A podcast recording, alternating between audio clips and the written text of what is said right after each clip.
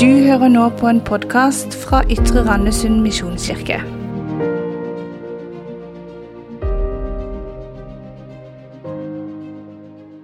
Hallo! Hei! Så godt å se dere. Åh, det var skikkelig fint å være her nå. Og jeg har gleda meg til i dag. Og som dere sikkert har hørt, så heter jeg Elise. Og jeg må bare begynne med å si at jeg syns det er skikkelig fint og skikkelig gøy å være barnepastor her i Ytre Randesund misjonskirke. Og jeg starta i januar.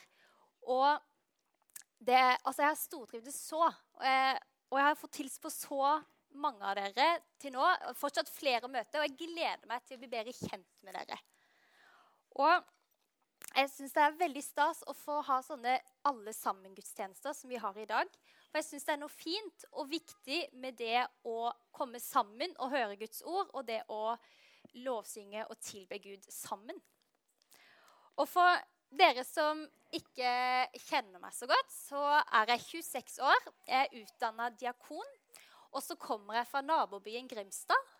Eh, som dere kanskje hører. Jeg har litt sånn rar eh, blandingsdialekt, men jeg er Grimstad. Og det er der jeg har vokst opp, og det er der jeg bor eh, for øyeblikket.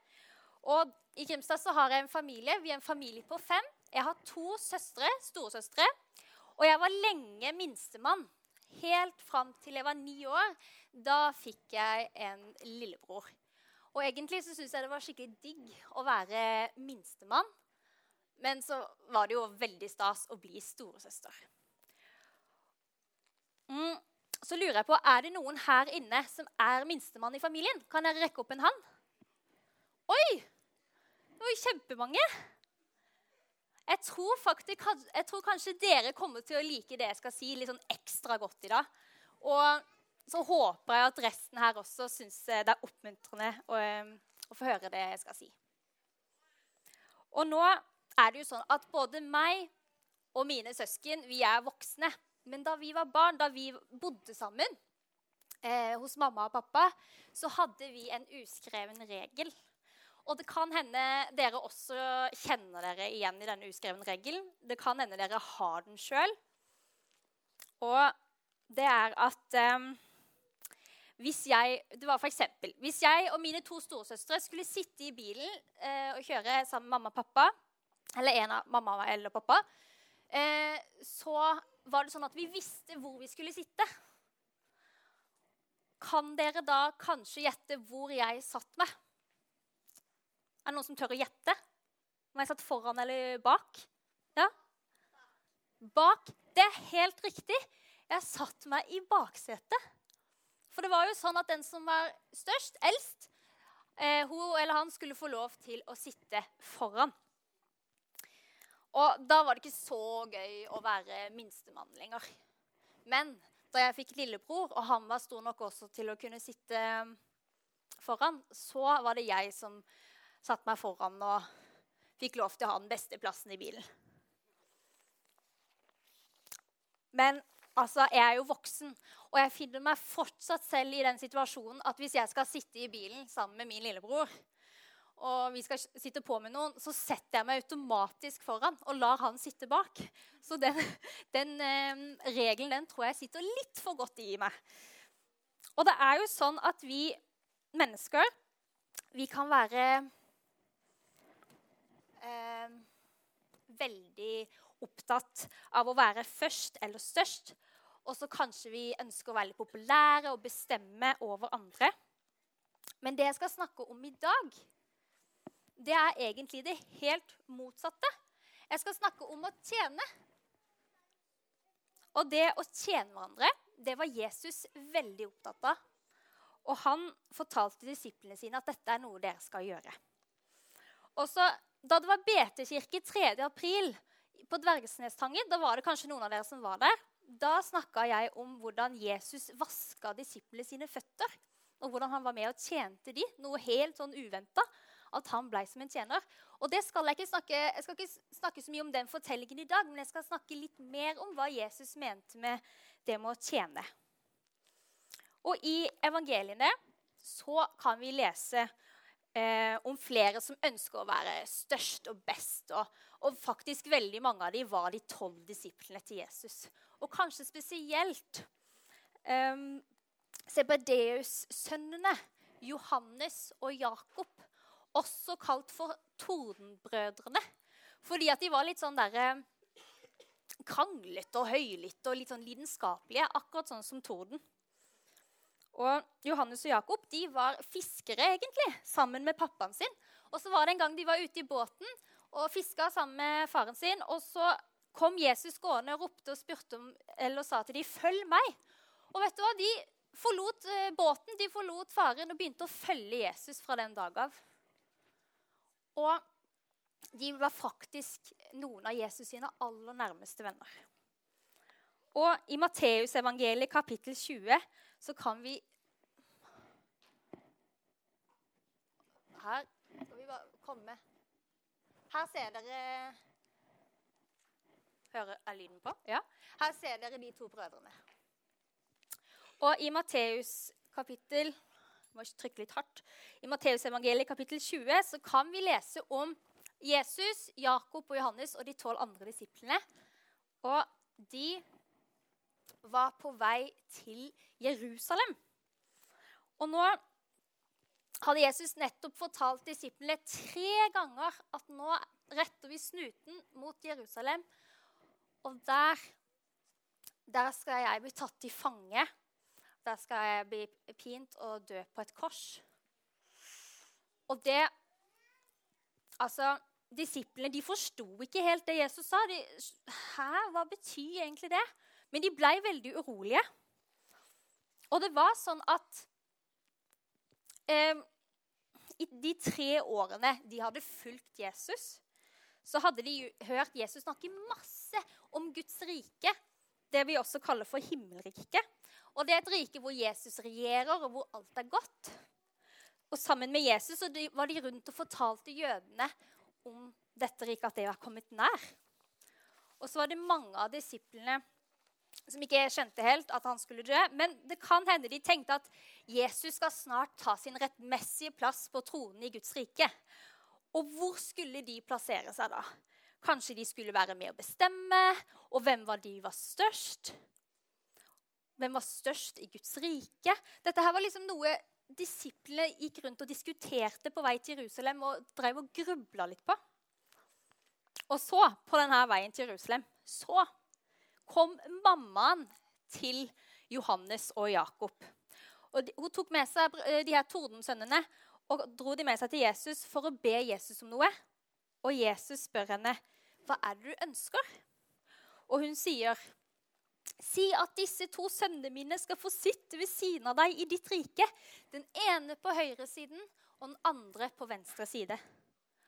Og Jesus svarer at, at dere vet ikke hva dere spør om. Og Han forteller også at han vet faktisk ikke hvem som skal sitte ved hans høyre eller venstre side.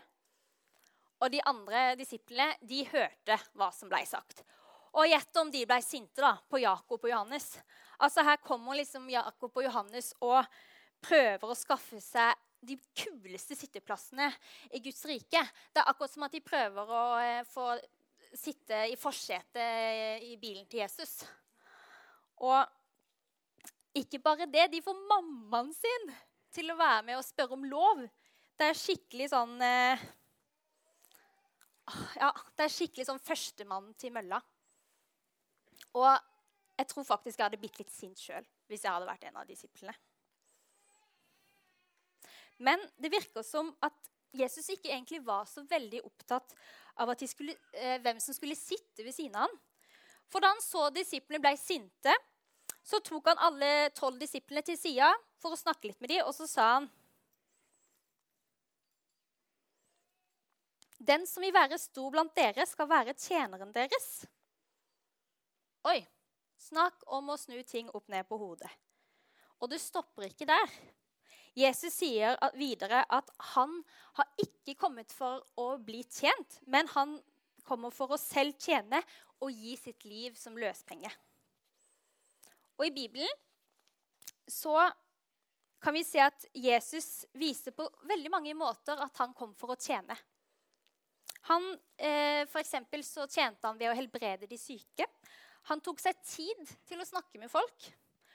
Og han, var, han vaska jo disiplenes føtter, som vi hørte om. Og han inkluderte og spiste med de som var litt uh, upopulære. Og Jesus, han tjente oss ved å gjøre seg bitte liten på korset da han, ja, da han døde på korset. Han så ikke ut som en sånn stor og mektig konge da han døde på korset. Nei, han så ut som en kriminell ved siden av de to andre eh, røverne som var ved siden av på korset. Og dette gjorde han for vår skyld. Han gjorde det fordi at han elsker oss. For et forbilde Jesus er. Og, slik, og Jesus sier at slik han tjener oss, så skylder også vi å tjene hverandre. Og, sånn, og, han sier også at eh, tjeneren er ikke større enn herren sin. Så det vil si at hvis vi tjener noen, så er det ikke fordi at vi er bedre eller større enn noen andre. Men vi skal tjene eh, Altså, vi skal ikke tjene for å være best. Vi skal tjene hverandre for å vise hverandre kjærlighet. Og fordi Jesus kom og tjente oss, så skylder vi å tjene hverandre. Og det å tjene hverandre, det er å vise kjærlighet til hverandre og vise at vi vil godt mot hverandre. Og kanskje er det sånn noen ganger at vi også blir litt sånn som disiplene. Opptatt av å være førstemann og størstemann og være litt sånn populær. Men hva om vi gjør det motsatte? Hva om vi heller tjener hverandre akkurat sånn som Jesus sa? Og hvordan ser det ut å tjene hverandre i vår hverdag?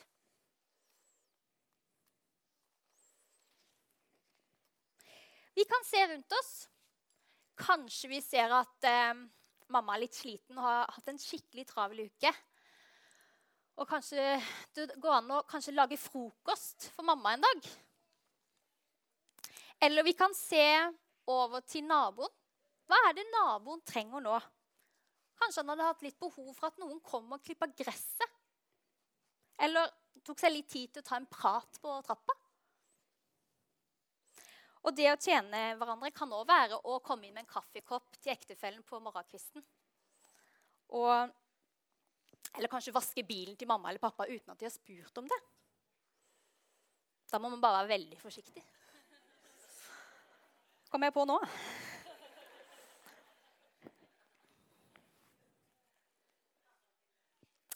Eller det å tjene, det kan være å inkludere eh, de barna du ser trenger å være med på leken i friminuttene. De som kanskje står alene.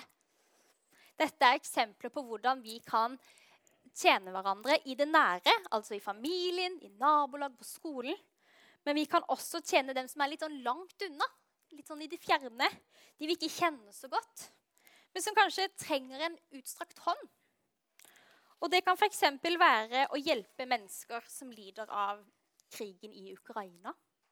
Eller det kan være å bli fosterfamilie til et barn som trenger en, eh, en, ny familie. Og her så kunne vi ha nevnt mange ting om hvordan vi kan tjene hverandre. Både i store og i det små. For vi kan tjene de som er i nød, de som virkelig trenger at eh, vi strekker ut en hånd. Men vi kan òg tjene hverandre uten at noen ber om det eller sier at de har et behov. Og når vi tjener folk, så trenger vi ikke å skille mellom vi og dem. Men vi kan tenke at når vi tjener, så vi, tjener vi alle mennesker, og vi er med å skape et oss. Og da viser vi hverandre egentlig at vi er alle like viktige. Og det kan òg hende at noen av oss eh, må øve seg på å ta imot tjenester. Og også la de, tjener, de vi tjener, tjene oss tilbake.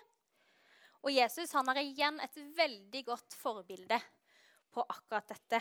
Han lot sin venninne Maria, søstera til Martha, salve han med en kostbar olje like før han skulle dø på korset. Han lot seg betjene. Men nå skal jeg gå inn for en avslutning. Som vi har hørt, så er det mange måter å tjene hverandre på. Både i det store og det små. Og Dere kan gjerne som familie snakke sammen eh, rundt middagsbordet om hvordan dere kan tjene. Og Jesus han kom ikke for å la seg tjene, men for å selv å tjene. vi kan ha Jesus som forbilde, som det å tjene hverandre midt i vår hverdag. Og på den måten så viser vi hverandre Jesus kjærlighet og sprer og med å eh, bringe Guds rike der vi er. Og jeg bare avslutter med en bønn. Jesus, jeg takker deg for at du kom, kom til oss som en tjener. Takk for at du elsker oss så høyt. Takk for det forbildet du er, Jesus. Jeg ber om at du må hjelpe oss å se de rundt oss og hjelpe oss å tjene hverandre og elske hverandre der vi er. Og la, oss, og la andre tjene oss, Jesus. Takk for at vi kunne komme sammen her i dag. Jeg bare ber om at eh, du må velsigne resten av dagen. Og vi bare legger denne dagen i dine hender. Bare velsigne hver enkelt som sitter i denne salen, Jesus. Takk for at du er med oss, at du elsker oss, Jesus. Amen.